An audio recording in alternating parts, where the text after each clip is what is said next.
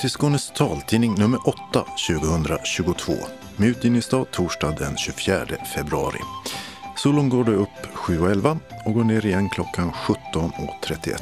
Och det är nästan 3,5 timmar mer ljus sen vintersolståndet. I olika studior sitter Mats Sundling och Dodo Parkas och fjärrtekniker det är Martin Holmström.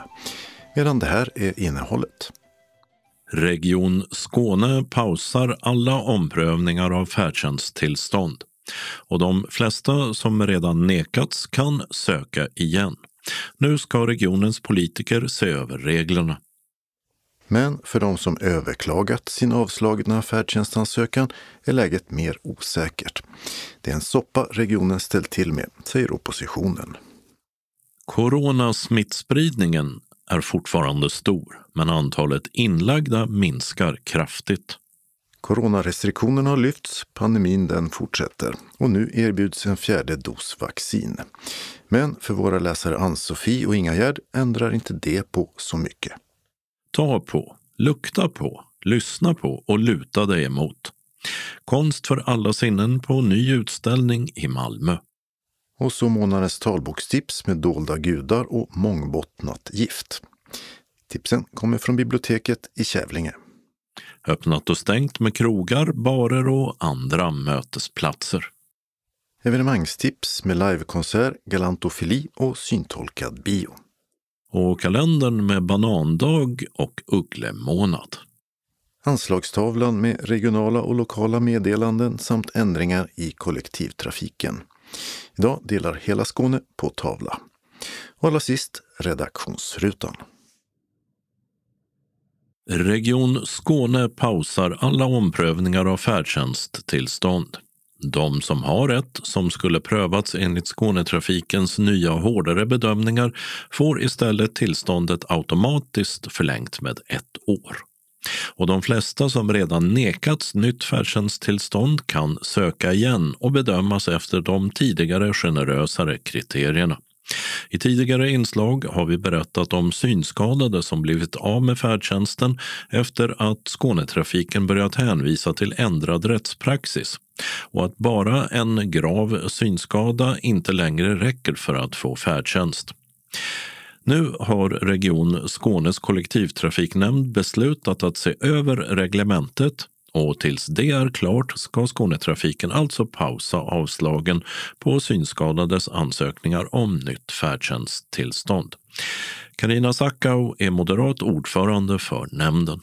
Ja, det gör de. Och inte bara för synskadade utan vi, vi pausar för alla så att säga. Eh, vi har inte rätt att eh, hantera en grupp speciellt utan det är för de som har eh, ett färdtjänsttillstånd och som ska omprövas under 2022 så får man automatiskt en förlängning på ett år. Mm. Och de som redan har fått avslag under det gångna året, vad händer med dem? Ja, har man inte haft det prövat i någon rättslig instans och fått ett avslag så är det faktiskt att, så att då gäller samma regler om det är så att beslutet är kopplat till ändrad rättspraxis. För det är ju det som har varit mycket diskussion här under eh, vår nämnd i alla fall. Eh, så är beslutet från Skånetrafiken kopplat till ändrad rättspraxis och man inte har överklagat till en rättslig instans, då gäller samma regler kopplat till rättspraxis kan kanske vara svårt att veta. Handlar det om eh, den strängare bedömningen om hur långt man kan klara sig att ta sig själv i okänd miljö till exempel? Ja, till exempel. Ja. Eh, och oftast så är då Skånetrafikens beslut kopplade just till ett rättsfall. Eh, och det är väl det som har varit mycket diskussioner om. Där är väl bland annat ett rättsfall i Stockholm som, som man har hänvisat till när man pratar om väsentliga svårigheter. Eh, så att, eh, men, men eh, det tänker jag att det, det är väl också, är det lite oklarheter så får man ta kontakt helt enkelt med, med Skånetrafiken. Tolkar jag rätt då att det i så fall ska vara de gamla bedömningarna som gäller? Där avsaknad av ledsyn till exempel räcker för att få färdtjänst? Eh, vi har inte gått in på de diskussionerna för vi har förstått att det är eh, dels är ju det här myndighetsutövning så, så vi har inte gått in på just exakt hur pass mycket synnedsättning man ska ha för att man ska få rätt till färdtjänst utan det vi gör är att vi förlänger matematik de färdtjänsttillstånd som går ut under 2022 med ett år. Vi gör det retroaktivt för de som fick ett avslag under 2021 eh, och det är kopplat till rättspraxis i beslutet ifrån Skånetrafiken om man inte har överklagat till någon rättslig instans, det vill säga länsrätt eller kammarrätt. Då gäller samma regler för dem som så fick avslag under 2021. Så de får också automatiskt en förlängning här under 2022. Då. Den som ansöker om färdtjänst för första gången då?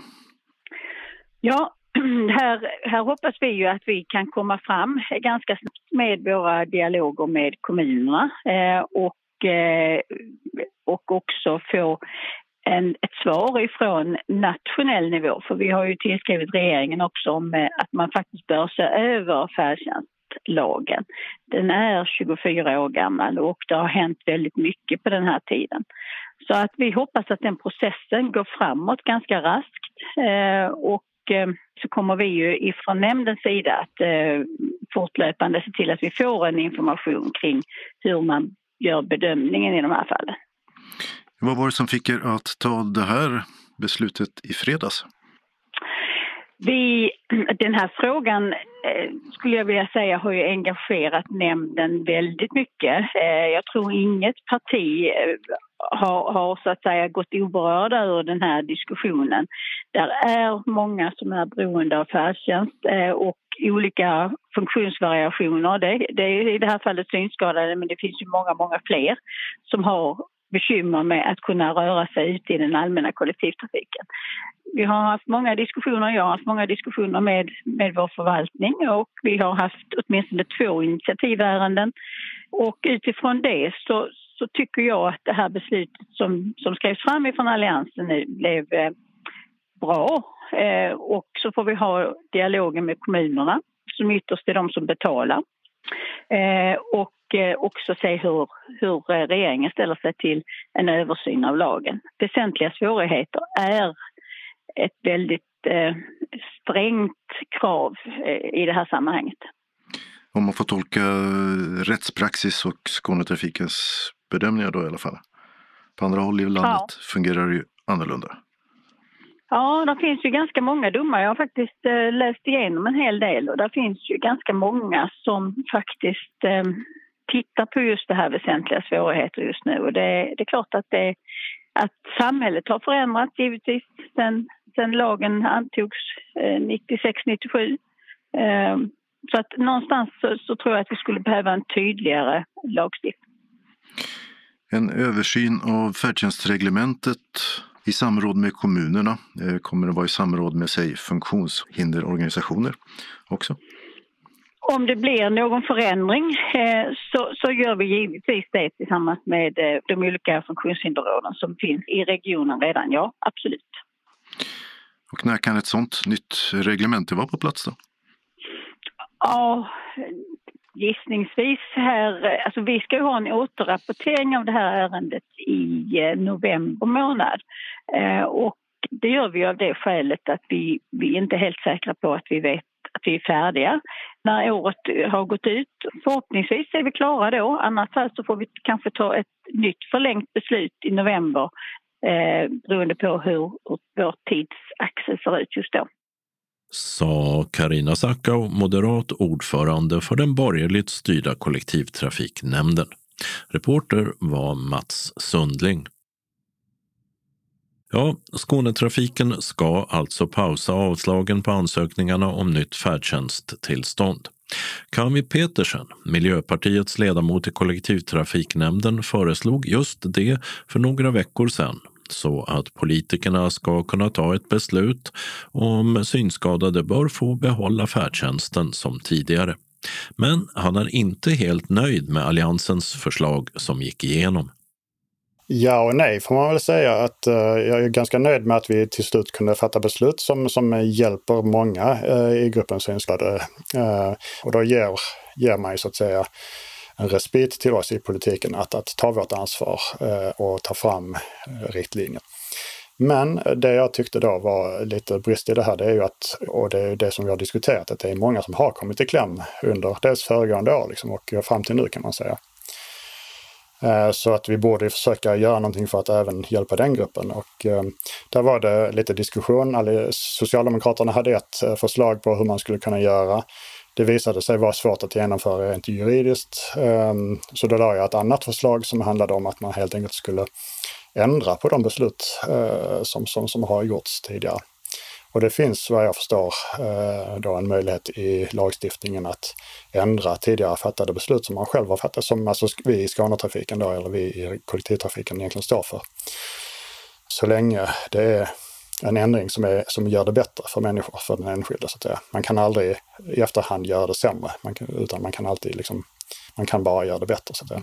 Men eh, de som hör det här och har blivit av med färdtjänsten mm. eh, på grund av Skånetrafikens nya hårdare bedömningar. Får de den tillbaka eller ska de göra något speciellt för att göra för att få? Ja, så det, det som vi idag har gett uppdraget egentligen kan man genom det här beslutet är ju till Skånetrafiken att se över de här eh, avslagen som man har gett enligt den här, med hänvisning till den här nya snävare praxisen. Um, och ändra på de besluten och helt enkelt ge då eh, färdtjänst eh, under den tiden då som, som det tar för att för politiken att se till så att vi har klara regler eh, och att politiken har tagit ett ansvar. Och där kan det ju då rymmas egentligen olika politiska ingångar i hur man ser på det i slutändan. Men det måste ju bli liksom tydliga beslut och det måste vara tydligt att se vilket politiskt parti som har tyckt vad, eh, var gränsen ska gå eh, och vilka som inte har tyckt det. Liksom. Och det, det är en viktig princip tycker jag. De som har överklagat till förvaltningsrätten och driver det där, eh, hur går det med deras färdtjänsttillstånd? Ja, och där, där ska jag eh, absolut börja med att säga att jag är politiker, jag är fritidspolitiker och håller på med det här liksom på, på min lediga tid kan man väl egentligen säga. Uh, och jag hade väl hoppats på att det skulle finnas en jurist på ett sånt här möte när vi planerar in ett, eh, ett, ett extrainsatt sammanträde i kollektivtrafiknämnden så, kring svåra kom, komplexa juridiska frågor så, så hade jag önskat att det hade funnits en, en jurist som kunde hjälpa oss att hitta möjligheterna. Men vad jag förstår utifrån eh, min enkla förståelse av lagen så, så kan det vara problem för de som redan är inne i en eh, rättsprocess. Eh, de som har fått ett avslag och som har valt att överklaga det, vilket antagligen är helt rimligt att föreställa sig att man gör. De kan vara så att de liksom behöver vänta ut den juridiska processen och där är tyvärr prognosen ganska dålig kanske då i många fall. Så att eh, jag, jag tycker att man ska nu kontakta Skånetrafiken ifall man, man eh, känner sig osäker här, men man kanske också ska eh, ta, ta juridisk hjälp. Men, men det är också en svår, svår fråga. Det, det är en, eh, onekligen en soppa som, som, eh, som vi har ställt till med i, i, från kollektivtrafiknämnden kan man säga om vi ser det som en, som en enhet. Samtidigt så är det ju här eh, tyvärr så att alltså, jag, jag upplever att jag eh, kämpar i motvind ständigt i, i den här frågan. Eh, och vi hade nog varit, kunnat vara mer proaktiva, mer konstruktiva ifrån, från flera håll. Och då hade det nog gått snabbare. Det vi tidigare har hört är ju att Skånetrafiken ska göra en utredning, tala med kommunen om det är okej okay att ha en generösare tolkning än lagens bottennivå. Eh, ja, vad händer med färdtjänsten nu? Ja, och den här utredningen då som vi, aktualiserade då i, december när vi märkte att eh, den här praxisen var på väg eh, i tangentens riktning så att säga utifrån vad vi, vad vi som politiskt parti och som flera andra politiker tycker. Så trodde vi ju att man skulle sätta igång med en gång och börja utreda var de nya gränserna skulle kunna gå och inleda en process och prata med olika politiker och sådär eh, kring, kring var det skulle vara någonstans. Men nu har det ju gått två månader och eh, på det här extra mötet som vi hade i fredags då, eh, som skulle handla om att eh, pausa eh, besluten medan vi har den här processen, så la man helt plötsligt upp det här initiativet som vi la i december då från Socialdemokraterna och Miljöpartiets sida. Så den har egentligen inte satt igång vad, då, vad jag kan förstå, utan nu gav man sig själv i uppdrag att sätta igång den processen. Så det är kanske förlorad tid, skulle jag säga, med att få fram de här nya reglerna som hade varit väldigt användbara att ha idag.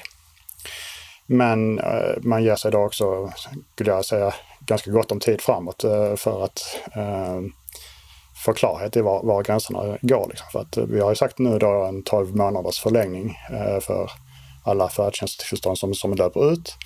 Och det får man väl tolka då också som att det är den tiden som man tänker sig att man behöver för att få fram eh, nya riktlinjer.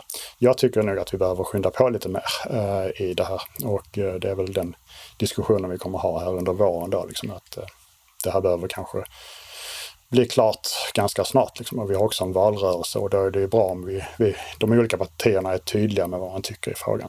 Det kan finnas anledning att fortsätta den här diskussionen men inte låta den eh, dö ut så att säga.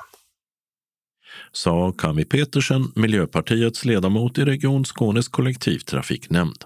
Reporter var Mats Sundling. Vi fortsätter med coronaläget nu två veckor efter nästan alla restriktioner lyftes. Smittspridningen är fortfarande stor, men några exaktare siffror finns inte eftersom provtagningarna nu är begränsade. Antalet inlagda på sjukhus med covid har däremot den senaste tiden gått ner snabbt i Skåne. Från 232 förra tisdagen till 175 den här veckan. Från i måndags kan de som fyllt 80 eller tillhör en riskgrupp få en fjärde dos vaccin. Antingen genom att själv kontakta sin vårdcentral eller någon av de upphandlade vaccinmottagningarna. Eller så hör vårdcentralen av sig via telefon eller brev med ett erbjudande om en tid. Det ska ha gått fyra månader sedan den senaste dosen. Antalet som tar en första dos har däremot gått ner ordentligt sedan restriktionerna försvann. I Skåne har nu 82,7 procent av befolkningen tagit minst en dos. Och för att locka de som är skeptiska mot Pfizers och Modernas mRNA-vacciner finns nu ett alternativ på gång. Folkhälsomyndigheten rekommenderar sedan i måndags ett nytt covidvaccin för personer som fyllt 18. Det heter Nuvaxovid och är det femte som godkänts inom EU. Och det produceras av företaget Novavax. Det är ett mer traditionellt framtaget proteinbaserat vaccin som när det kommer om ungefär en månad finns möjlighet att välja, antingen som första dos eller någon av påfyllnaderna. Folkhälsomyndigheten presenterade i måndags nya scenarier som stöd för sjukvården för hur smittspridningen kan utvecklas i vår. Mest troligt enligt dem är att smittan planar ut i mars och sen ligger på låga nivåer fram till sommaren. Men det går inte att utesluta att nya varianter ställer till det och därför är det viktigt att ha en fortsatt hög beredskap enligt myndigheten. De flesta restriktionerna är borta, men pandemin den fortsätter med många smittade. Nu erbjuds de som är över 80 en fjärde spruta mot viruset. Ann-Sofie Karlsson i Bromölla, som tillhör en riskgrupp, är också en av dem som snart ska få sin fjärde vaccination. Men hon är kritisk till att restriktionerna redan släppts. Ja, ska jag vara ärlig så tycker jag kanske att man eh, var lite snabb där. Att man släppte på nästan precis allting eh, på en och samma gång. Man kanske kunde gjort det lite mer bit för bit så att säga. För några veckor tidigare så var man ju inne på att eh, man skärpte ju restriktionerna igen och eh, att smittspridningen då ökade kraftigt igen, eh, hette det. Och då känns det lite förvånande att man sen tvärvänder. Även om det inte ökar så mycket på intensiven och så vidare, att folk blir jätteallvarligt sjuka, så finns det ju grupper i samhället som jag som är nedsatt i immunförsvaret som kan bli väldigt sjuk faktiskt även av omikronvarianten om vi blir smittade, även fast vi har tre doser vaccin. Har eh, du ändrat ditt sätt att leva på något sätt efter det att restriktionerna släpptes? Nej, det kan jag väl inte säga. De ser ganska likvärdiga ut som de har gjort nu de senaste två åren. De sakerna som jag har varit tvungen att göra har jag ju såklart gjort, men utöver det så har jag inte varit ute mer på stan eller på köpcentren eller några sådana saker än jag har gjort den senaste tiden. Men hur eh, länge känner du att du orkar hålla på det här? För det är ju en väldigt lång period. Mm. Det heter ju att vi fortsättningsvis måste vara försiktiga. Nu tog jag ett antikroppstest här för några dagar sedan som visade att jag har antikroppar och därmed ett visst skydd. Men hur mycket vaccinen skyddar, det vet man inte riktigt. Så att, eh, även efter att jag fått det här beskedet och även efter att jag fått en fjärde dos så eh, måste vi vara försiktiga, säger ju läkarna då. Jag tror vi har lärt oss någonting av pandemin att eh, kanske tänka efter lite mer hur vi beter oss och att vi inte går ut bland folk när vi är sjuka och så vidare om vi har symptom på förkylning eller sånt där. Den här fjärde sprutan som du då ska få, vet du när det blir av? Ja, som jag förstod det när jag pratade med njurmottagningen igår så kommer det en kallelse inom de närmaste veckorna här i alla fall. För det är ju tre till fyra månader efter att man har tagit sin tredje dos som man kan ta den här fjärde då. Hur ser du på det, att ta en fjärde dos? Ja, jag tänker ju ta den, absolut. Jag tänker så här att jag tror att vi får vänja oss vid att ta vaccin framöver. Att man då kanske får ta vaccin årligen, precis som man gör mot influensan. Och man kanske behöver en fjärde och en femte och en sjätte dos liksom framöver. Även för normalfriska människor så att säga. Hur påverkar det dig, tycker du själv, det här att eh, vara så försiktig eh, under pandemin? Ja, det är ju svårt att träffa människor. Att, eh, till exempel att man behöver träffa ny ledsagare och sådär. Ja, att åka någonstans och träffa nya människor som man inte umgås med regelbundet så att säga. Det är ju en lite balansgång där. Är man symptomfri så kan man träffa mig liksom, men eh, känner man sig det minsta förkyld så ska man inte göra det. Så att eh, det har väl påverkat mig ganska mycket. Jag skulle träffa en eventuellt blivande ledsagare här för ett tag sedan och eh, de skulle komma hem till mig då från kommunen och inför det så kände jag ju en stor tveksamhet för jag visste ju inte om hon var vaccinerad överhuvudtaget eller inte för det informerade inte kommunen om. Så det gjorde mig lite tveksam då till att träffa henne faktiskt. Att släppa in nya människor i sitt hem överhuvudtaget nu under de här osäkra tiderna liksom. Så det är väl en förändring som jag har märkt av då. Det som har varit frustrerande det är väl att inte kunna få hjälpen som jag har behövt liksom på det sättet. För att de har ju saknat tillgång till ledsagare också. Och jag tror att pandemin spelar in lite i det också faktiskt. Och vad är det du skulle velat göra med en ledsagare till exempel? Ja, men som sjukhusbesök eller provtagning till exempel. Ja, men bara gå ut och ta en eh, fika eller så med någon annan än den man lever ihop med till exempel. Det är ju ganska viktigt att faktiskt kunna göra sånt på egen hand också. Så att man inte blir för bunden till sin partner, så att säga. Så hur gör du när du ska till sjukhuset och ta prover eller eh, spruta och så nu? Ja, nu är det oftast eh, min sambo som följer med då. För att jag har som sagt ingen ledsagare för tillfället. Så det är så vi har fått göra. Från Bromölla till Hässleholm, där Inga Gerd Nilsson bor. Och eftersom hon är över 80 år har hon också blivit erbjuden en fjärde spruta. Men livet har inte förändrats särskilt mycket sedan restriktionerna släppte, tycker hon. Jag är inte ute så mycket ändå, så mig bekommer inte så mycket. Jag är mest hemma. Så ditt liv har inte förändrats så jättemycket genom den här pandemin? Nej, Nej egentligen inte. Vad gör du hemma då? läser, lyssnar på radion, tittar på TV när det är något program som passar, går ut och går en gång om dagen. Har du börjat med någonting nytt under de här pandemiåren?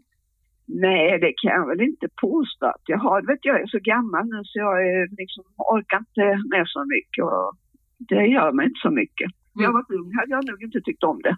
Det var någon som sa att du spelade schack? Jag spelar schack ibland, ja, och så spelar vi kort ibland. Jag träffar någon kompis här i stan så vi spelar ibland, har gjort en gång. Och det har du gjort även om det varit eh, pandemi och så? Ja, det har vi gjort. Men det är inte så ofta det händer, men det, det har hänt. Ett tag spelade vi här hemma hos mig, men nu spelar vi nere på det som heter Senioren. Och eh, där gör vi på fredag förmiddagar. Då spelar vi kort där är lite folk men man träffar inte så många. Man går inte nära folk och man umgås inte på det viset. Det är ju inga kramar hit eller dit. Längtar du efter det? Nej, det gör jag faktiskt inte. ja. på något vis är det riktigt skönt att slippa det. Men först skulle man alltid kramas när man träffades. Men hur gör du nu då? Nej, man bara säger hej och så går man en bit ifrån varandra. Man öppnar dörren och undrar vem det är och så säger man hej och så går man in och så håller man lite avstånd. Tycker du att de tog bort restriktionerna i lagom tid eller skulle man ha väntat längre, tycker du? Nej, jag tyckte det var rätt lagom och sen kan man väl själv liksom tänka sig för lite så man inte håller på att kramas och håller lite avstånd och så. Vet du när du kommer att få den här fjärde sprutan? Ja, jag tror jag skulle få den nu nästa vecka tror jag. Jag erbjuder den i alla fall. Kommer det att kännas skönt att få den tycker du? Ja, jag tackar ju ja, fast jag träffar ju så lite människor nu för tiden så att jag tycker nog att tre sprutor tar jag nog, nog på. Men, men eh, blir jag erbjuden den så kan jag ta den naturligtvis. Tillbaka till Ann-Sofie Karlsson i Bromölla som nu ser fram emot varmare tider. Just nu så längtar jag mest efter våren och sommaren, att det ska bli varmare och finare väder så att man kan vara ute mer och ehm, ja, men åka på utflykter eller ja, men helt enkelt få lite bättre livskvalitet och ja, känna sig mer fri på något sätt. Jag menar, jag kan gå ut med min ledarhund och gå promenader och sånt där, men det är mycket skönare och trevligare när det är vår eller sommar, tycker i alla fall jag. Det är väl olika det också, vad man uppskattar med naturen och, och så, men jag föredrar det att lyssna på fåglarna och njuta av att det blir varmare liksom. Ja.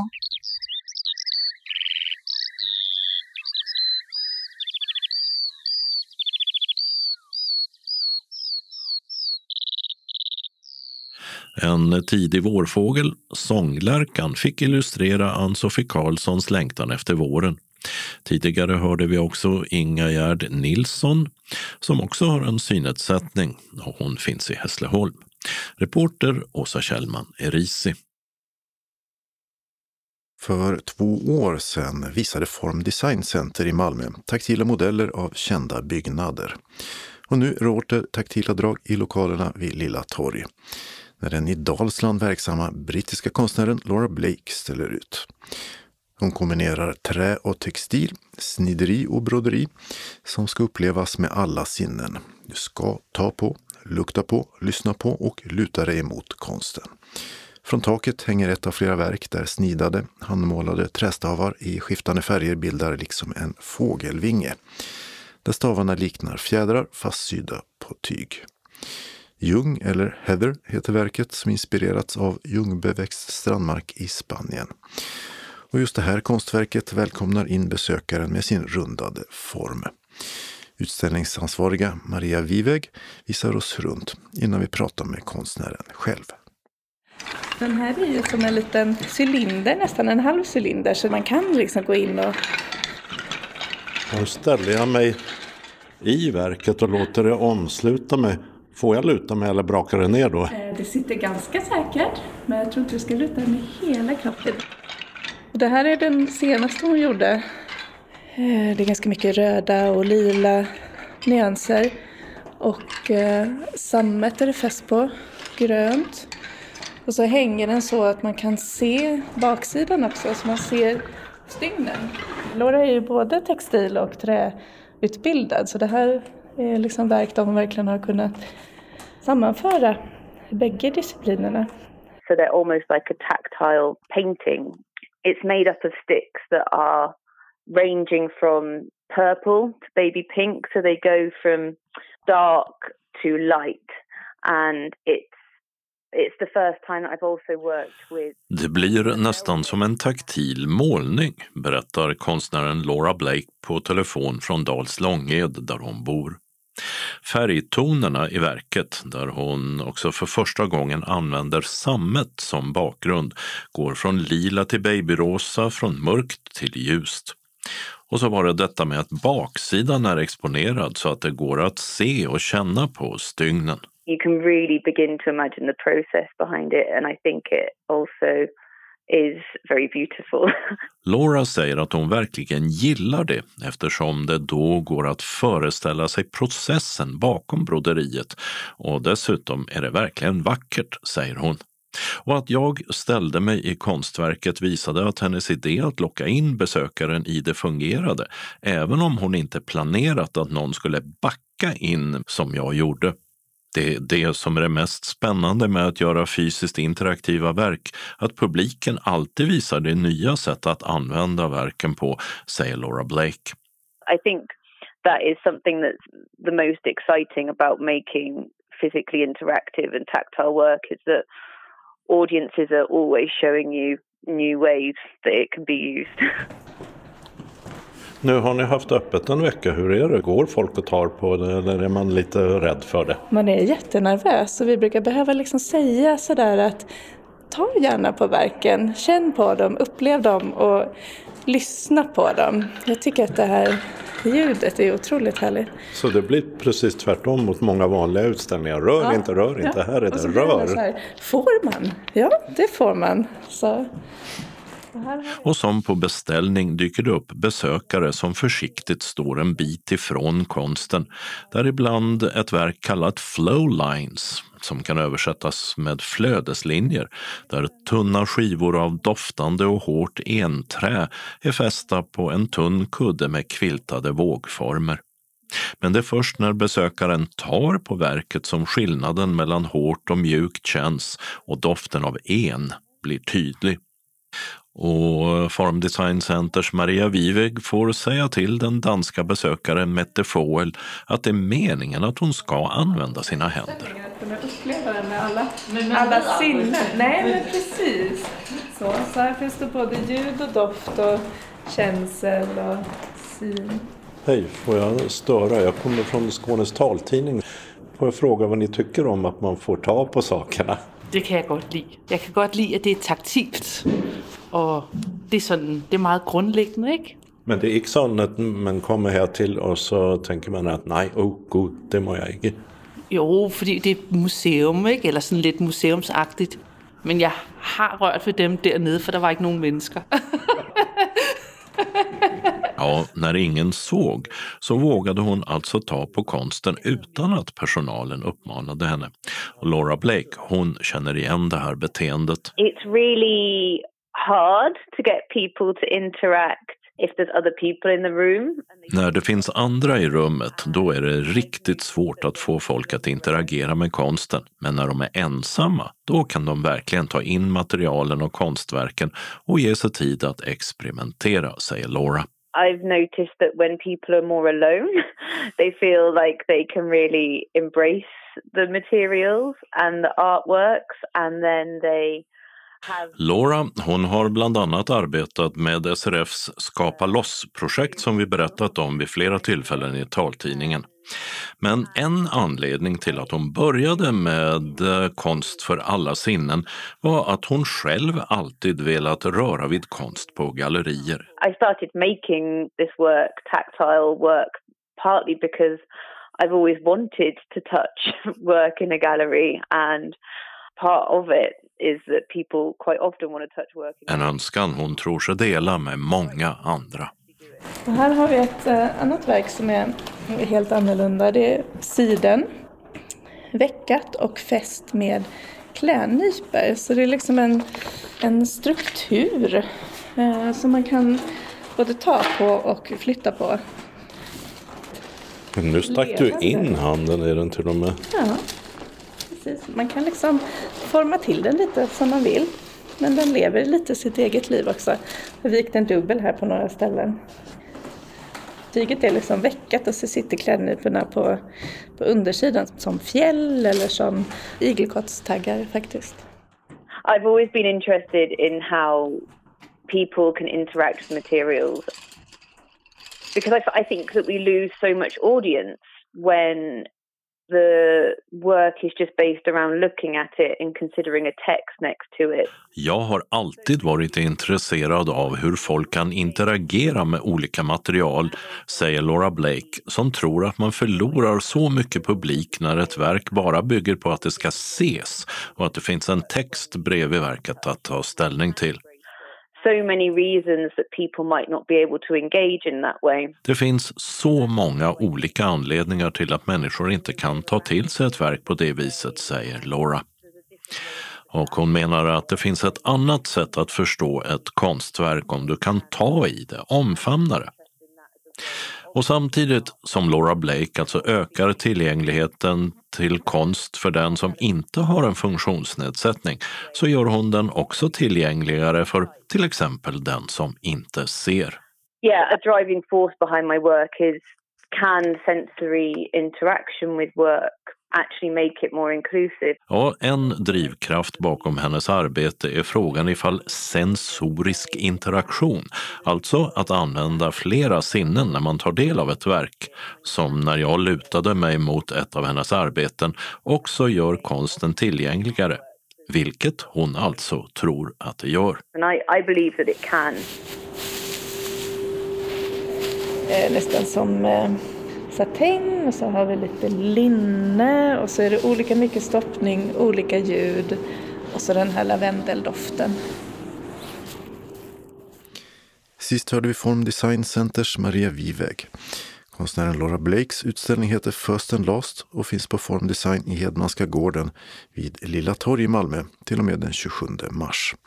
De är öppet tisdag till lördag 11 till 17, söndagar 12 till 16 och det är fri entré. Reporter där var Dodo Parikas. En spännande blandning bjuder talbokstipsen från biblioteken i Kävlinge kommun och då speciellt biblioteket i Löddeköpinge på. Det handlar om allt ifrån autism till översättningens stora betydelse för en bok. Och valet har också en del beröringspunkter med bibliotekarie Elisabeth Nordlanders eget liv. Hon har precis kommit tillbaka från barnledighet och mödrar spelar också roll i två av böckerna hon valt. Jag har kanske inte hunnit läsa så mycket som jag har önskat. Men jag tycker att de jag har valt eh, är de böckerna som jag verkligen har uppskattat på sistone. Och vad är då det första valet? Jo, jag ville tipsa om Autisterna som är en bok av Klara Törnvall. Och det är en talbok med text. Inläsaren är Annika Denke. Eh, boken är 7 timmar och 30 minuter lång och den finns också som punktskriftsbok. Och eh, Autisterna handlar om kvinnor på autismspektrat. Och eh, bygger dels på författarens egen autismutredning i vuxen ålder. Men hon pratar också om kända kvinnor som man så här i efterhand tror kanske hade autism. Som till exempel eh, tar hon upp Virginia Woolf och Emily Dickinson. Och så pratar hon också med eh, helt okända människor som också är på autismspektrat. Och det här är jätteintressant. Dels för att man väldigt länge trodde att det bara var män som kunde ha autism. Därför att autism hos eh, flickor och kvinnor, det syns ofta på ett lite annorlunda sätt. En anledning till det är ju samhällets förväntningar på flickor. Så att flickor och kvinnor kanske blir bättre på att dölja att de inte förstår sociala koder till exempel. Medan män kanske har varit, haft lite mer tillåtande. Ehm, men det här blir i alla fall väldigt eh, komiskt tydligt när eh, författaren gör den här autismutredningen. Då får hon ett formulär av sin psykolog som hon ska fylla i hemifrån. Och eh, där är frågorna som hon ska svara på, till exempel om hon samlar på bilregistreringsplåtar, eh, om hon är fascinerad av siffror och tåg. Och hon känner att eh, det absolut inte passar in på henne. Och när hon kommer tillbaka till psykologen och de ska gå igenom formuläret så eh, tycker han att hon inte ska ta det så bokstavligt. Vilket ju är jätteroligt när det är en autismutredning hon gör. Där det är inbegripet att man tar, man tar saker bokstavligt. Och det är en jätte, jätteintressant bok. Dels för att eh, en till en och en halv procent av befolkningen eh, har autism, eller är på autismspektrat. Så att eh, det eh, betyder att ungefär 100 000 svenskar är autistiska. Så att eh, många har ju eh, någon i sin närhet, kanske en familjemedlem eller en vän eller en kollega. Och eh, att då förstå hur det är att eh, ha autism. Det är jätte, jätteintressant att få lära sig mer om. Var det mycket som du inte visste om det här? Jag blev till exempel överraskad över det här att eh, bara män hade autismdiagnos tidigare. Mm, ja men det är ju jätteintressant. Eh, jag är uppvuxen med en eh, syster på autismspektrat som har, eh, då kallas för högfungerande, att man inte har någon annan diagnos och har normal begåvning. Och det är ungefär 75% av de som är på autismspektrat är så kallade högfungerande. Men i Sverige uppskattar man att 50% av autistiska personer är arbetslösa. Och i Europa 75 procent arbetslösa. Och att då jämföra de siffrorna, att det är 75 procent som är högfungerande men 75 procent är också arbetslösa. Så förstår man ju hur många det är som skulle kunna göra ett otroligt bra jobb om de blev satta på rätt plats. Det tyckte jag var jättespännande. Nedslående men intressant.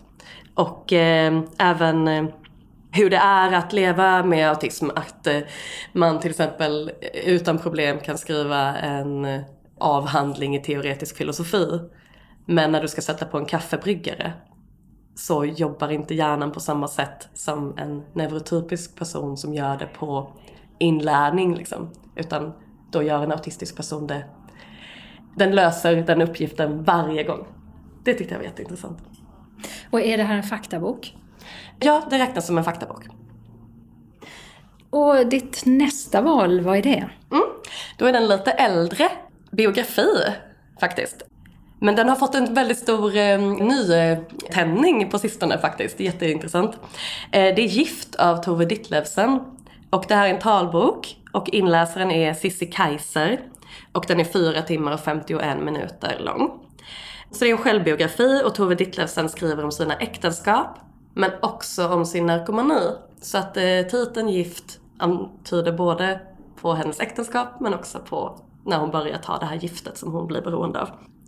Eh, hon skriver också om sina barn. Och i bokens början så är Tove väldigt ung och hon har precis gift sig med en man som heter Viggo. Och han är en viktig person i den danska litteraturvärlden. Så det här är ett sätt för henne att komma ut i, i liksom arbetslivet och att liksom få bli den författare som hon vill bli. Men äktenskapet är kärlekslöst och Tove är olycklig. Så hon träffar snart en ny man som hon gifter sig med och får barn med. Men när de får barn så går deras samliv i stå. Eh, så att eh, när hon blir gravid på nytt, hon tror inte att deras äktenskap kommer klara av ett nytt barn. Så att hon vill göra en abort, men abort är inte lagligt vid den här tiden. Vi får följa henne på en ganska hemsk kamp i att hitta en läkare som är villig att utföra aborten. Väldigt eh, hemsk läsning. Men hon lyckas med det. Deras äktenskap är fortfarande inte så bra. Så att eh, hon råkar vara otrogen en kväll och blir gravid på nytt. Den här gången, mannen hon har haft sex med eh, och blivit gravid med, han är eh, läkare. Så han kan utföra den här aborten utan att hon behöver liksom förnedra sig själv i att leta efter en ny läkare. Utan hon, han kan göra det. Men han ger henne ett bedövningsmedel som heter Petidin. Och det, det är hennes drog. Hon har, nu har hon hittat sin drog. Så att det som händer nu är att hon lämnar sin man och eh, blir tillsammans med den här mannen därför att hon vill att han ska fortsätta ge henne drogen. Och det är en eh, fruktansvärt hemsk eh, berättelse liksom, att få vara, att få se mm, insidan liksom. Hur hon som narkoman själv beskriver hur det är att bli fullständigt fast i, i drogerna. Det här är ju en relativt gammal bok som ja. du sa, eh, men den känns ju ändå väldigt eh, aktuell på många sätt. Mm, precis, jag tänker väldigt mycket på den här Oxycontin-skandalen i USA som man hör mycket om nu. Att eh, ungdomar, eller ja, egentligen väldigt många människor får ett väldigt starkt smärtstillande medel. Ja, det har varit stort i USA att många som blir väldigt beroende och när den kranen stängs av så får man gå vidare till de drogerna som finns tillgängliga på gatan. Eh, så det är väldigt aktuellt idag. Ja. Och det är också en trilogi egentligen, var det ja. Gifta sig sista boken i den här självbiografiska trilogin? Precis, det stämmer. Så att eh, man kan också läsa de två föregående delarna som handlar om hennes barndom och ungdomsår. Så det här är när hon är då vuxen. Och ditt tredje val, vad har det blivit? Jo, det valet har fallit på Nils Håkanssons bok Dolda gudar. Och det är en talbok med text, inläsare är Ove Ström. Den är 10 timmar och 53 minuter lång och den finns som punktskriftsbok. Och det här är en bok om översättningar. Man brukar ju ofta prata om eh, att, att göra en översättning, det är omöjligt. Eller vad som går förlorat i en översättning. Men eh, i Dolda gudar så visar också Nils Håkansson på hur mycket som man kan vinna med en översättning. Det är lite intressant att tänka på tycker jag, att ett verk i originalspråk, det är ju statiskt. I all sin evighet så kommer det vara ett och samma. Men en översättning kan alltid förändras. Den är alltid lite flytande. Det, kan komma, det kommer en ny och sen kommer en ny. Vi brukar ju ofta se på översättningen som lika med originalverket. Men eh, det är ju ett verk i sig samtidigt. Så att det är någonting som man eh, ja, sällan reflekterar över men eh, som här då verkligen får en upprättelse. Det låter som ett ganska tungt ämne och ganska smalt ämne. Är det det? Ehm, ja, men det är ju det som är så kul när någon skriver lättillgängligt om ett ämne som är så smalt så att det helt plötsligt blir brett och tillgängligt. Verkligen eh, eh, inte, inte svårläst men jätterolig att se hur eh, olika verk har översatts olika från gång till gång. Han pratar till exempel om att eh, ju högre status ett verk har desto närmare vill man ofta lägga sig originalet. Men om ett verk har lite lägre status, som till exempel barnlitteratur, då kan man ha lite mera fria händer och få liksom, och det behöver inte alls likna eh, originalverket i slutändan. Nej men så det är en spännande bok som handlar om någonting som är ständigt närvarande men som vi väldigt sällan uppmärksammar. Och som bibliotekarie uppmärksammar du det ofta, det här med översättningar? Jag fick ju verkligen en tankeställare här att det, jag har verkligen inte haft de glasögonen på mig utan jag brukar, jag brukar likställa en översättning med originalverket men här, ja, jag fick verkligen poletten trillade ner lite. Att det får jag nog tänka mer på. Och så den sista boken, vad är det för något?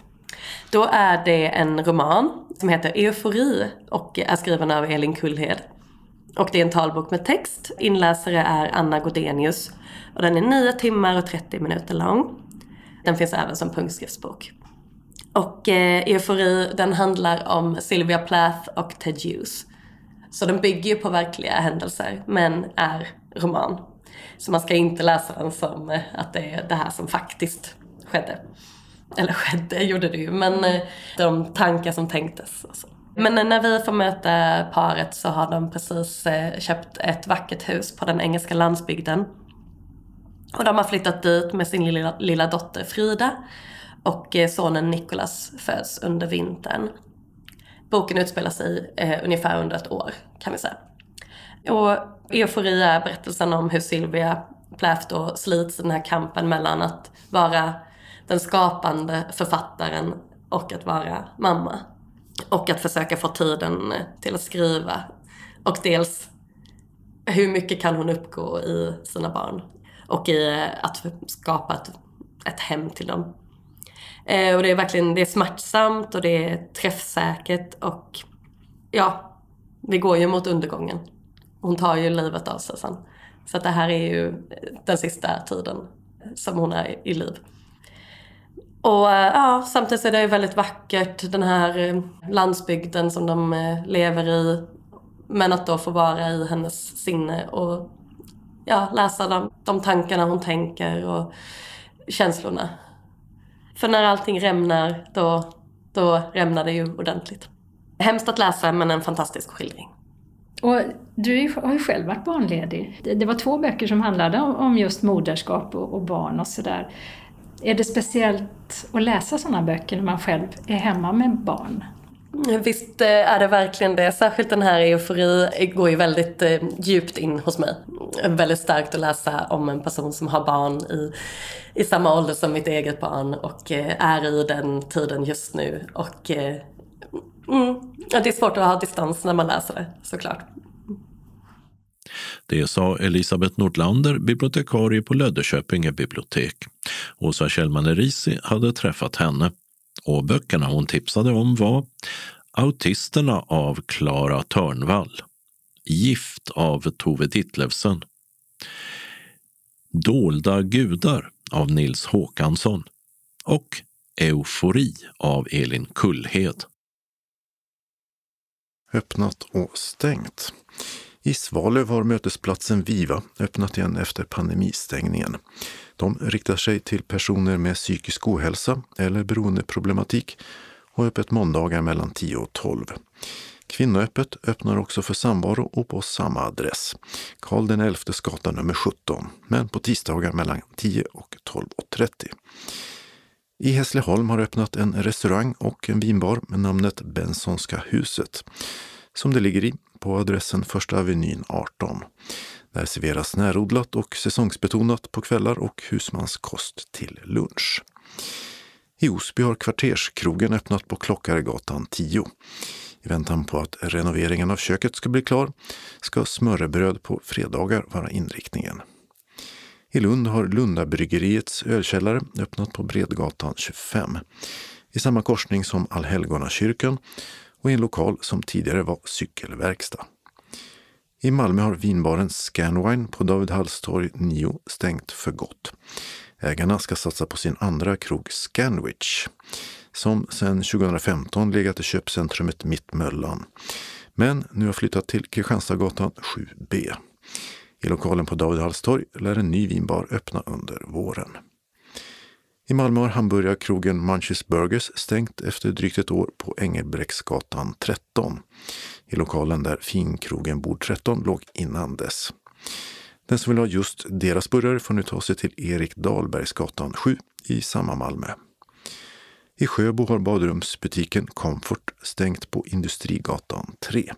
NG Nilssons rör ligger kvar och satsar på service istället.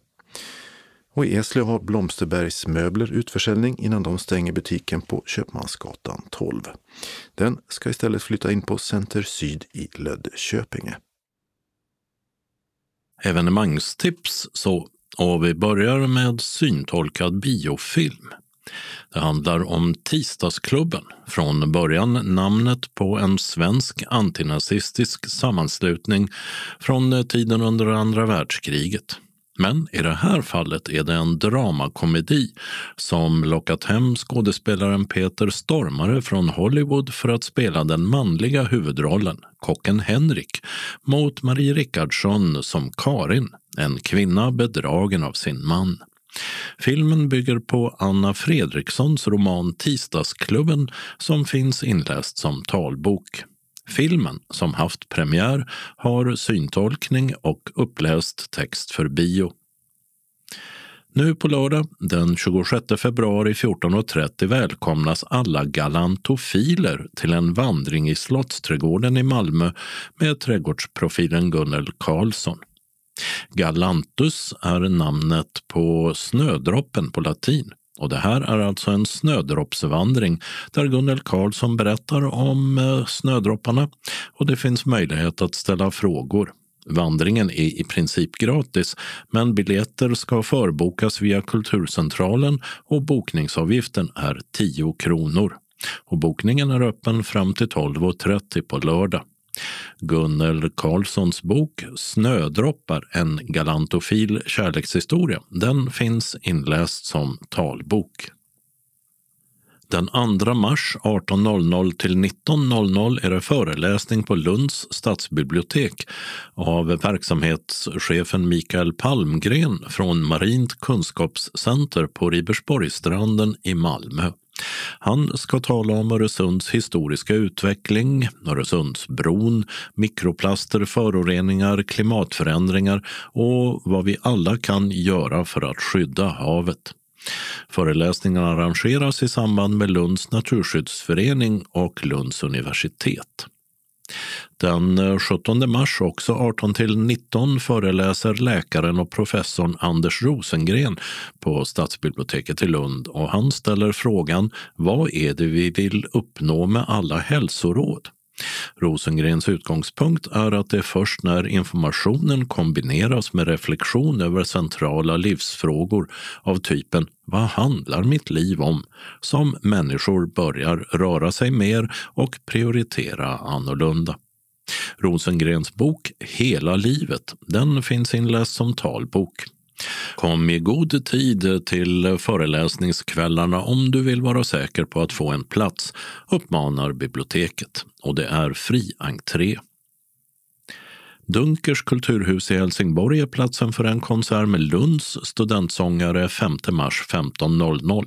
Till havet heter den och det sjungs stycken av bland annat Hugo Alvén, Amy Beach och Max Reger. Biljetter säljs på Dunkers eller via Ticketmaster. Dalby bibliotek är platsen för ett författarmöte med Mats Strandberg den 9 mars 18 19. I den apokalyptiska tonårsboken Slutet skriver Strandberg om två ensamma ungdomar i en värld som lever på lånad tid. Boken Slutet finns som talbok liksom andra av Strandbergs böcker. Och den 6 april, även då 18-19, besöker den tidigare polisen, numera deckarförfattaren Cecilia Salström Dalby bibliotek. Hennes böcker utspelar sig i Lund och Dalby ligger i Lunds kommun. Sex titlar av eh, Cecilia Salström finns inlästa i talboksform.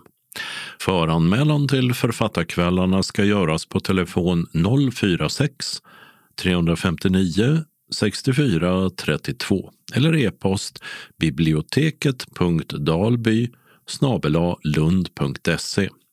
Bibliotekets adress är Allégatan 1A Dalby. Författaren Kjell Hansson är inbiten Malmöbo, uppvuxen på Älvstorp. Han har knackat rost på Kockums, varit smörgåsnisse och skalat potatis i New York. Och mycket mer.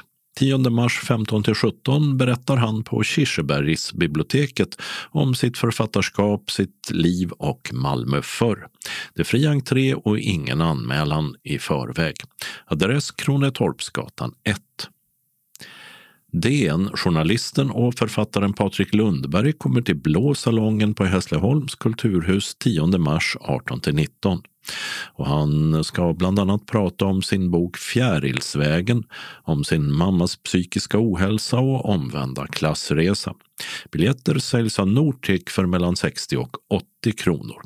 Patrik Lundbergs böcker finns i talboksform, en del av dem också i punktskrift och den som söker sig till samma Hässleholms kulturhus lördagarna den 12 mars och eller 23 april mellan 11 och 12 på förmiddagen kan lyssna till en gratiskonsert i husets entréhall med ungdomar från Kulturskolan. Py Bäckman och gitarristen Janne Bark de uppträder på Biljardkompaniet i Kristianstad 16 mars klockan 20. Tixter säljer biljetterna som kostar 350 kronor. Adress är Lastageplatsen 5. Fredag 18 mars infaller Världspoesidagen, även kallad Internationella poesidagen, instiftad av Unesco. På Lunds stadsbibliotek uppmärksammas detta med poesiuppläsningar och samtal mellan 16 och 18. Deltar gör den eh, i Schweiz bosatte kinesiske poeten Yang Lian och Lars Gustav Andersson samt den spanske diktaren Antonio Colinas och hans översättare Lasse Söderberg. Biljettinformation Kulturcentralen 040 10 30 20 Ticketmaster 077 170 70 70. Dunkers biljettcentral 042 10 74 00. Tixter 0771 47 70 70. Nortic 0455 61 97 00. Och Hässleholms kulturhus 0451 26 66 70. Kalendern. Måndagen den 28 februari har Maria och Maja namnsdag och vi tar ett kliv in i 2022 års nionde vecka samtidigt som februari månad tar slut för den här gången. I Finland flaggar man för landets kultur under Kalevaladagen, uppkallad efter det finska nationaleposet med samma namn. På dagen för 100 år sedan lösgjorde sig Egypten från brittiskt välde. Och hade inte den i Skåne födde skådespelaren Jarl Kulle gått bort 1997 så hade han denna dag fyllt 95 år.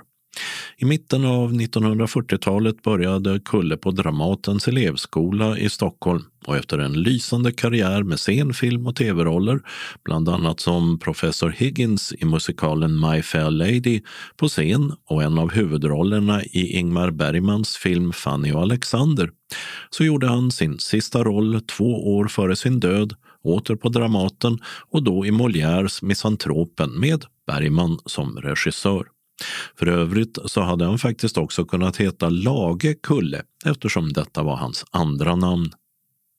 Tisdagen den 1 mars börjar det som förr både kallats vårmånad och ugglemånad.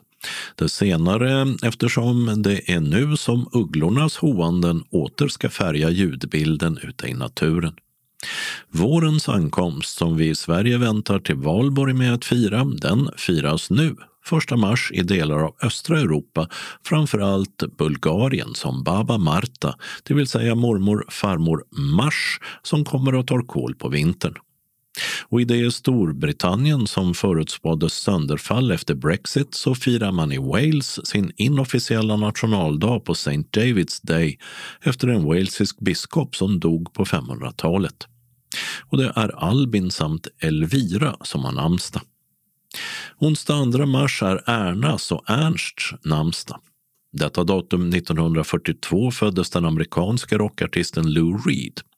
Sin 80-årsdag, som skulle ha infallit denna dag, missade han dock med god marginal eftersom han gick bort redan 2013. Det här är dock inte Lou Reed.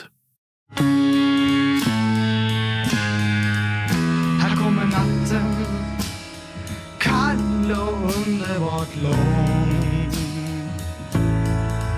Här kommer mörkret. Da, da, da, da, da, När alla sover. Ja, så lät det när en svensk rockartist, ursprungligen döpt till Torbjörn, sprängde en språkvall 1969 med sin debutskiva Ja, det är det, genom att fimpa den i svenska popsammanhang obligatoriska engelskan och sjöng på svenska, som här i låten Här kommer natten. Artisten var Pugh Rogefeldt och nu fyller han 75 medan den amerikanska gruppen Bon Jovis ledande figur John Bon Jovi bara blir 60, vilket även gäller den tidigare hockeystjärnan Peter Andersson. Torsdagen den 3 mars har Gunborg samt Gunvor namnsdag. Och i nyss nämnda Bulgarien är det dags för nationaldag. Fredag 4 mars uppmärksammas Vasaloppets 100-årsjubileum med prins Carl Philip som högtidstalare i Mora kyrka i Dalarna. I Sverige lär vi enligt Naturskyddsföreningen årligen peta i oss mer än 100 bananer per person, vilket man kanske kan begrunda lite extra denna dag som är bananens dag. Instiftad för fem år sedan på det datum då Svenska Banankompaniet grundades 1909. Och det är Adrian och Adriana som har namnsdag. Och så har 90 år passerat sedan den sydafrikanska storstjärnan och anti-apartheidkämpen Miriam Makeba föddes. Mest känd är hon nog för låten Pata Pata. För 20 år sedan tilldelades Makeba Polarpriset och avled gjorde hon 2008.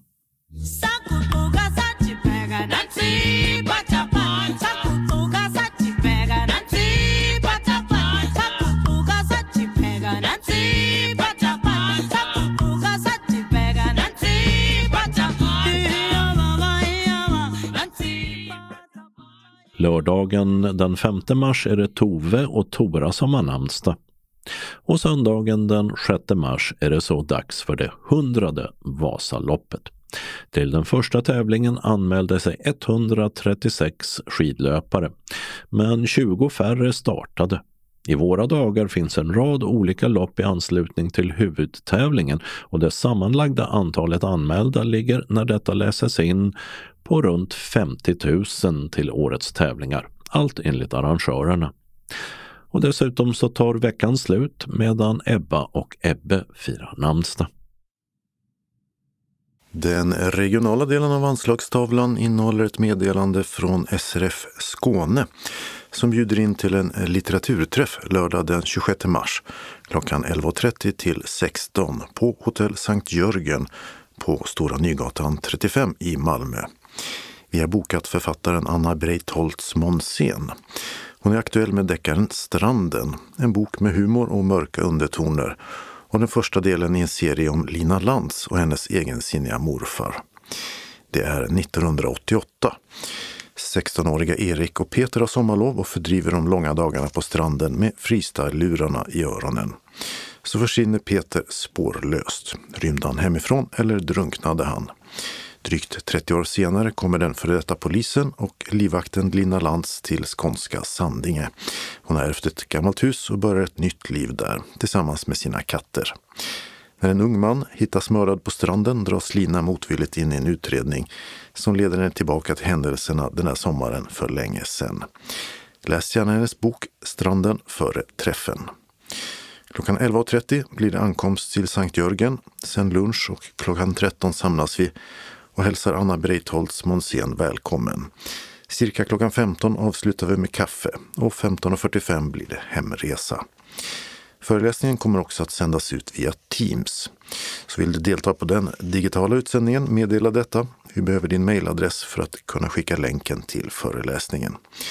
Anmälan sker till SRF Skåne från fredag den 25 februari till fredag den 11 mars på telefon 040 777 75 eller via e-post till srfskane srfskane.se.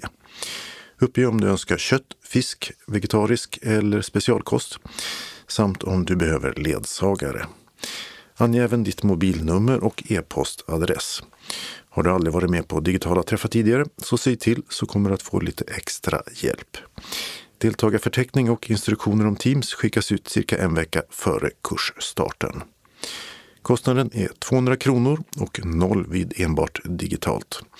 Inbetalning senast den 26 mars till Bankgiro 484-0989 eller med swish på nummer 123 312 6299. Vill du ha en inbetalningsavi så säg till. SRF Skåne står för era reskostnader efter kvitton inkommit senast tre månader efter och endast för resor inom Skåne. Både utanför, endast för kostnaden från länsgränsen. Har du frågor kontakta kursansvarig Maj-Britt Ryman på 070 324 6609. Varmt välkomna hälsar arbetsgruppen för kultur och fritid. Den lokala delen av anslagstavlan är idag gemensam för hela Skåne. Och den börjar med att Synskadades förening Kristianstad-Bromölla kallar sina medlemmar till årsmöte. Lördag den 12 mars klockan 12 till 16.30 i Östermalmskyrkan på Lasarettsboulevarden 6. Vi börjar med årsmötesförhandlingar med bokslut och val. Efter det äter vi en måltid tillsammans med en kopp kaffe efter. Anmäl deltagande senast onsdag den 2 mars till TINA. Telefon 070-635 41 14. Handlingar till mötet kommer i ett separat utskick. Välkommen hälsar styrelsen. Några meddelanden från SRF Malmö Svedala så. Först hälsar de välkomna till sin dagverksamhet. Måndag den 28 februari klockan 13 till 15 blir det tidningsläsning och eller frågesport. Tisdag den 1 mars klockan 13 till 15.15 .15, bingo. Vi serverar kaffe och smörgås eller kaka för 10 kronor.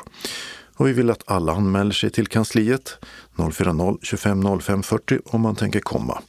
Senast klockan 10 samma dag. Känner man sig sjuk så stannar man hemma. SRF Malmö Svedala välkomnar också till en sopplunch på föreningen. Fredag den 4 mars klockan 13. Innan vi äter kommer Kristina Johansson, syninstruktör i Malmö stad och berättar om sitt arbete och svarar på era frågor. Vi bjuder på minestronesoppa och avslutar med kaffe och en liten kaka. Är du medlem i SRF Malmö Svedala får du allt det här för 30 kronor. Icke-medlemmar betalar 50. Färdtjänsthem kan beställas till 14.30. Vill du vara med så anmäl dig på telefon 040 25 05 40 eller mejla till info srfmalmo.se senast tisdag den 1 mars. Varmt välkomna hälsar styrelsen. SRF Malmö Svedala kallar härmed till årsmöte lördag den 12 mars klockan 13 i föreningens lokal på Wendelsfridsgatan 13 i Malmö. Efter mötet bjuder föreningen på en lättare måltid. Glöm inte att anmäla allergier eller specialkost vid anmälan. Anmäl dig till kansliet senast onsdag den 2 mars klockan 14. Om du är intresserad av föreningens verksamhetsberättelse för 2021 så kan du beställa den från kansliet. Och färdtjänst hem kan beställas till 15.30. Hjärtligt välkommen hälsar styrelsen. SRF Västra Skåne bjuder in till onsdagsträff med bingo den 2 mars klockan 13 till 15.30 i SRFs lokal på Vaktegatan 3 i Helsingborg. Bingobrickorna kostar 10 kronor och fikaavgiften är 30 kronor.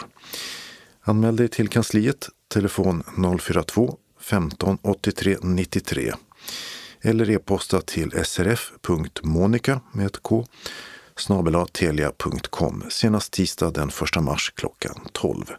Välkomna! Synskadades riksförbund Västra Skåne kallar även till årsmöte tisdag den 8 mars klockan 14 till 16.30 i föreningens lokal på Vaktgatan 3 i Helsingborg. Det blir sedvanliga årsmötesförhandlingar. Stödjande medlemmar har ingen rösträtt men får gärna närvara. Föreningen bjuder på fika. Sista anmälningsdag är fredag den 7 mars klockan 12 till kansliet. Välkommen hälsar styrelsen. Och SRF Västra Skåne har till sist också en inbjudan till Helsingborgs stadsteater och pjäsen Amadeus som syntolkas lördag den 23 april. Salieri hatar Mozart. Han står inte ut med den unga konkurrentens framgångar och inte heller med hans bortskämda, stökiga stil och utsvävningar som går stick i stäv med alla ideal. Ändå kan han inte låta bli att i hemlighet beundra honom. För den gudfruktige Salieri hör Herrens röst genom Mozarts underbara musik. Driven av missundsamhet och ilska, ackompanjerad av musikhistoriens allra vackraste toner, gör Salieri upp med Gud och släpper taget om sina principer för att kunna krossa sin rival. Hur långt kan avundsjuka driva en människa? Liksom i biofilmen från 1984 skruvas denna version upp med hjälp av en stor ensemble, häftiga kostymer och mycket humor. Björn Kjellman spelar rollen som Salieri, Einar Bredefelt, den unge Mozart och Karin Lee Körsbärsdal gör rollen som Konstanze. På scenen dessutom Helsingborgs symfoniorkester. Ett färgsprakande spektakel för hela familjen. Ett party du måste vara med på. Detta den 23 april klockan 18 till 21 inklusive paus. Samling för syntolkning klockan 17. Deltagaravgiften 190 kronor för medlemmar i SRF Västra Skåne. Övriga betalar 290 kronor. Och pjäsen spelas på Storan. Sista anmälningsdag är fredag den 18 mars klockan 12 till kansliet. 042 15 83 93 i telefon eller e-posta till srf.monica telia.com. Meddela då om du önskar hörlur för syntolkningen. Det finns 20 biljetter så skynda dig med anmälan. Eventuella frågor besvaras av ditt teaterombud Ulla Engström på telefon 0730 70 1131 eller via e-post till ulla.engstrom och så siffran 1 snabela icloud.com. Vi avrundar med några tillfälliga ändringar i kollektivtrafiken och börjar med att konstatera att inga tåg kör till och från Helsingborg C från lördag den 26 februari klockan 22.05 till söndag morgon klockan 6.05. Och det betyder att de flesta Öresundståg tar en annan bana och inte stannar i Landskrona och Helsingborg. Och inga pågatåg går mellan Helsingborg och Gantofta, Landskrona, Hässleholm eller Förslöv. Bussar ersätter. Och i helgen börjar ett arbete som i omgångar stoppar tågen mellan Ramlösa och Teckomatorp. Arbetet pågår kvälls och nattetid från klockan 19 söndag den 27 februari till onsdag den 2 mars. Sen söndag den 6 mars till onsdag den 9. Måndag den 14 mars till onsdag den 16. Och så måndag den 21 mars till onsdag den 23. Pågatågen kör en annan bana och stannar inte i Eslöv, Marieholm, Teckomatorp, Billeberga, Tågarp, Vallåkra och Gantofta. Men gör extra uppehåll i Kävlinge och Landskrona. Bussar ersätter de inställda tågen. Det vägarbetas på Krusegatan i Malmö och regionbussarna 130 och 172 hållplats med samma namn är stängd. Med hänvisning till hållplatsen Sjölunda-viadukten på Lundavägen. Den ligger cirka 600 meter åt sydväst.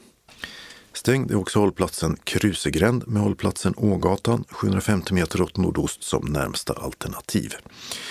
Och så ska det vara där till den 18 mars klockan 15. Kullavägen i Utvälinge, och då är vi vid Skäldeviken, den stänger bitvis på grund av en järnvägsutbyggnad i närheten. Och regionbuss 225 får från denna torsdag ta en annan väg ända till den 7 november. Hållplatsen Skeppsvägen stänger då med hållplatsen Kryssvägen som ligger cirka 600 meter åt nordväst som alternativ. Stängd är också hållplatsen Lantmannagatan med hållplatsen Ängelholm ishallen som alternativ några hundra meter åt nordost.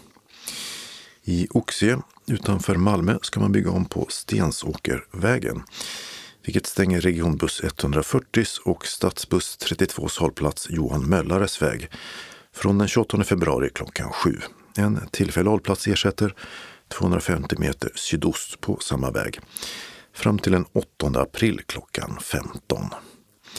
I Staffanstorp stänger regionbuss 102 och 106 hållplats Rådhuset A från måndag den 28 februari klockan 7 med hänvisning till hållplatserna Storgatan eller Rydbergs stig. Den 4 mars klockan 16 ska det vara över. I Helsingborg stänger ett arbete på Bunkagårdsgatan, stadsbuss 92 sålplatser, Börje Jönsson, Ramlösa vatten och Kullens bröd. Samtliga lägga av fram till den 28 februari klockan 16. En tillfällig stolpe på Bunkalundsvägen, 20 meter sydväst om korsningen med Bunkagårdsgatan, ersätter. Och så ett par tillfälliga ändringar i busstrafiken i Malmö. På Limhamnsvägen repareras farthinder mellan Nordmannagatan och Köpenhamnsvägen. Tre hållplatser för stadsbuss 7 på väg mot ön är stängda. För Ribersborg, läge A, hänvisas till en tillfällig hållplats 200 meter bakåt i färdriktningen. Från T-bryggan, läge A, är det 750 meter till samma ersättningshållplats och från Potatisåkern A 1250 meter. Resande till eller från Potatisåkern kan också använda hållplatsen Geijersgatan läge A som ligger 1150 meter mot ön till. Och Geijersgatans hållplats ersätter också hållplatsen Hyljekroken dit det bara är 40 meter. Den 4 mars klockan 15 ska arbetet där vara klart. Och med det beskedet var det dags att sätta punkt för veckans taltidning. Nästa nummer kommer nästa torsdag, den 3 mars. Skånes taltidning ges ut av Region Skånes psykiatri och habiliteringsförvaltning. Ansvarig utgivare är Martin Holmström. Postadress Jörgen Ankersgatan 12, 211 45 Malmö. Telefon 040-673 0970. E-post Skanes taltidning snabela skane.se och hemsida skanestaltidning.se. Observera att CD-skivorna inte ska skickas tillbaka till oss. Såväl skivor som kuvert kan läggas i brännbara sopor när ni inte längre vill ha dem. Vi hörs igen. Hej då!